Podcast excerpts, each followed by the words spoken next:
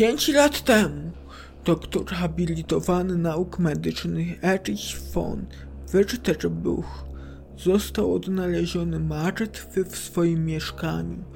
Jego śmierć jest zagadkowa z tego powodu, iż tydzień przed stwierdzonym zgonem udzielił nader kontrowersyjnego wywiadu do gazety Ligen, zaś sprawę jego śmierci umorzono niemal od razu z powodu braku wystarczających dowodów. Wypowiedź traktowała o wyższości leków naturalnych nad tymi chemicznymi, które notabene według tego co powiedział Erich są szkodliwe.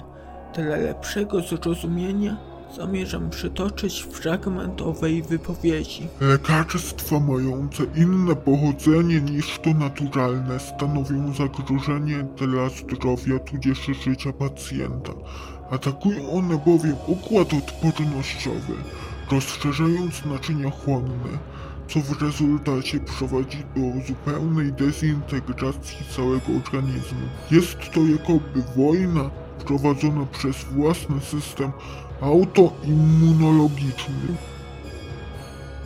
Wystarczy spojrzeć na półki aptek, by dostrzec jeden z najprawdopodobniejszych scenariuszy, który mógł się wydarzyć wówczas w 2015 roku.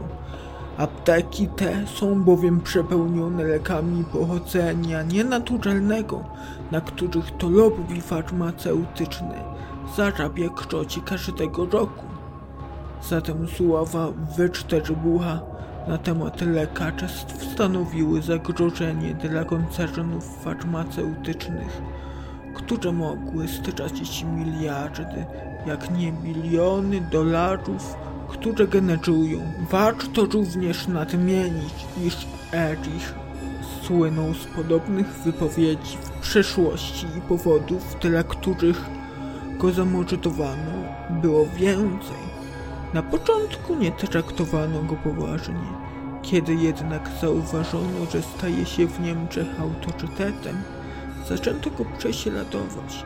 Jedną z takich prób zniszczenia go jest sytuacja z 2013 roku, kiedy to jego starania na pozyskanie tytułu profesora zostały odrzucone przez prezydenta Niemiec Joachima Gauka. Wyczterbych jednak nie zrezygnował ze swoich planów na uzyskanie tytułu profesora. Wiedział, że to niepowodzenie jest potrzebne, by motywować go do dalszych działań. Przez te lata spychany był na margines. Publiczne media go już nie zapraszały do wywiadów, zaś te prywatne bały się, że wpłynie negatywnie na ich wizerunek. W 2015 roku bracia Erpel założyli wydawnictwo Der Handgriff, do którego podpięli swoją gazetę Ligen, która to miała okazać się wkrótce bestsellerem. Gazeta była poświęcona tematom społecznym i naukowym. To też nie dziwi fakt, że jednym z pierwszych gości był pan Erich. Wkrótce po jego wystąpieniu gazeta zyskała wielu nowych czytelników, a sami bracia Erpel stali się jednymi z najbogatszych ludzi w Bawarii. Nie spodobało się to rządowi, który postanowił nałożyć na nich wiele pułapek podatkowych, przez które w późniejszym okresie bracia zbankrutowali. Erich był stoikiem, niczym się nie przejmował. Był szanowany, posiadał wielki majątek, miał kochającą rodzinę. Żyli w dostatku, jak później jego żona Helga powie. Mój mąż nigdy nie miał wrogów, nie smucił się, a każdą porażkę przekuwał w sukces. Nie miał powodów do odebrania sobie życia. Wydaje mi się, że zarazł za skórę tym, którzy tego nie lubią. To nie było samobójstwo.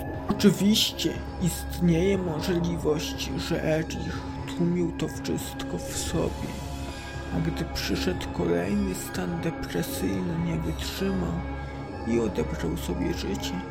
Atori. Wydarzenia, które poprzedziły jego tragiczny koniec, sprawiają, że nie chce się w to wierzyć.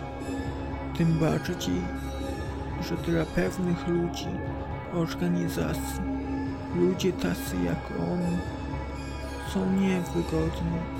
Stara się ich wyeliminować, wyeliminować na różne sposoby. A wy jak myślicie? Podzielcie się koniecznie w komentarzach. Przypominam, że mój podcast można słuchać na SoundCloudzie, Spotify i oczywiście YouTubie. Dajcie znać, z jakich serwisów podcastowych najczęściej korzystacie. Wasze komentarze mi pomogą i będą dla mnie inspiracją.